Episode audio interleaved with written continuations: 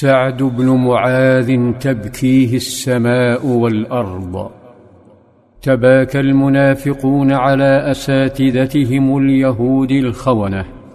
وقال شاعرهم يلوم سعد بن معاذ ويثني على المنافق أبي حباب أي ابن سلول الذي دافع عن يهود قينقاع ألا يا سعد سعد بني معاذ؟ فما فعلت قريضه والنظير لعمرك ان سعد بني معاذ غداه تحملوا لهو الصبور تركتم قدركم لا شيء فيها وقدر القوم حاميه تفور وقد قال الكريم ابو حباب اقيموا قينقاع ولا تسيروا وقد كانوا ببلدتهم ثقالا كما ثقلت بميطان الصخور. لم يأبه سيد الأوس بمقالات المنافقين التي تنضح بالخيانة فقد وضع حدا لمن خططوا لإقامة المذابح لنبيه صلى الله عليه وسلم وشعبه وإسقاط دولته. ثم حمل سعد على دابته وأعيد برفق نحو خيمته العلاجية.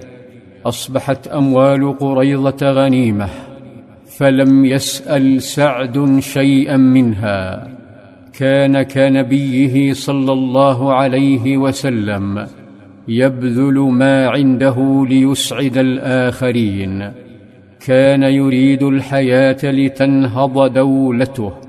لا ليقضي وقته بالرفاه والتقلب في النعيم. كان يبحث عن عوالم أرقى حين دعا. اللهم إنك تعلم أنه ليس أحد أحب إلي أن أجاهد فيك من قوم كذبوا رسولك وأخرجوه.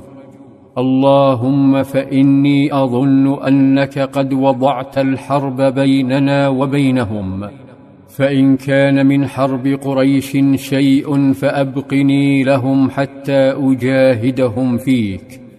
وإن كنت قد وضعت الحرب فيما بيننا وبينهم فافجرها واجعل موتتي فيها.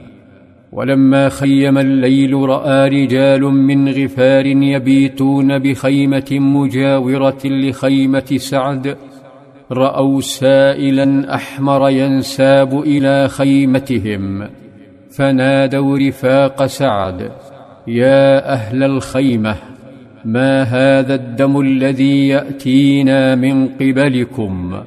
نظر رفاق سعد فإذا بجرح سعد قد انفجر فأخبروا نبيهم صلى الله عليه وسلم واستأذنوه لحمله إلى طبيبة يقال لها رفيدة تداوي الجرحى فأذن لهم صلى الله عليه وسلم. ولما أصبح مر عليه فقال كيف أصبحت؟ ويمر عليه مساء ليتفقده ويقول كيف أمسيت؟ لكن الفراق دنا. وبدأ سعد يحتضر فحملوه من بيت رفيدة إلى منازل أسرته بني عبد الأشهل.